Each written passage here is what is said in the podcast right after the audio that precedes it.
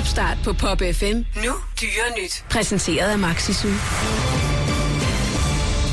Farvel, Bøllemis. Vi lægger ud i New Zealand, hvor byen Umaui planlægger at forbyde huskatte. Det skriver BBC.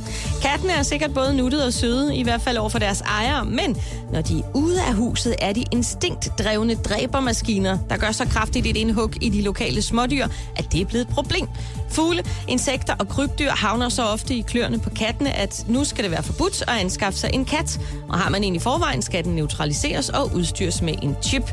Vi er ikke kattehadere, men vores natur skal være så rig så, øh, på dyrevildt som muligt, siger John Collins, der er formand for en lokal naturbevaringsforening ifølge BBC. En undersøgelse viser, at katte hvert år sætter tænderne i 22 milliarder pattedyr og 4 milliarder fugle alene i USA.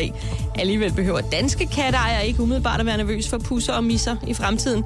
Jeg har aldrig hørt om noget, der peger på, at katte er et stort problem i den danske natur. Godt nok gør de indhug, men de danske arter har udviklet sig sammen med truslen fra den slags rovdyr, og derfor kan de bedre håndtere det, siger professor fra Aarhus Universitet Jens Christian Svending. Og så siger vi da pyha. Og så skal vi til en efterlysning. Filey Bird Garden and Animal Park, der ligger i byen Scarborough i England, har mistet en wallaby, som er betegnelsen for små kænguruer. I den familiedrevne park var alle lige så glade for de to nye attraktioner, der var flyttet ind.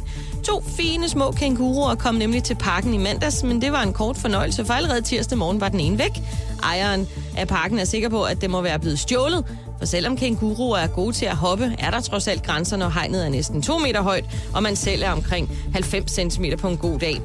De seneste meldinger lyder, at den er set i nærheden af Gristhorpe rundkørslen. Så hvis man er på de kanter og ser en lille kænguru, så fang den for himlens skyld, før den hopper igen. Det skal tilføjes, at det ikke nytter noget at kalde på den. Den var nemlig så kort tid i parken, at den ikke har fået noget navn endnu. Nå. Hvis man kender Hitchcock-filmen Fuglene, så ved man godt, at kraver skal man holde sig fra. Men tager man en tur til Loire-regionen, cirka 40 km fra Paris, så kan det nok være, at det dårlige image er under rekonstruktion. I parken øh, Puy de Foix er en mindre kravflok på seks blevet trænet i at samle affald op fra jorden og smide det i nærmeste skraldespand. Ejeren af parken så heller, at de tobenede gæster selv samlede deres cigaretskodder og slikpapir op, men nogle gange må der jo andre midler til. Ved at opdrage fuglene til at rydde op har Nicolas de Villiers, der ejer parken, en mission. Hvis man kan lære en krave at samle affald op, kan man måske også lære et menneske det, som man siger. I hvert fald sætter det tanker i gang hos gæsterne, når dyrene rydder op. Nogen bliver ganske enkelt kloge.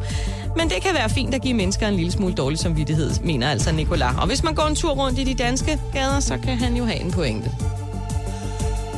Dyre nyt.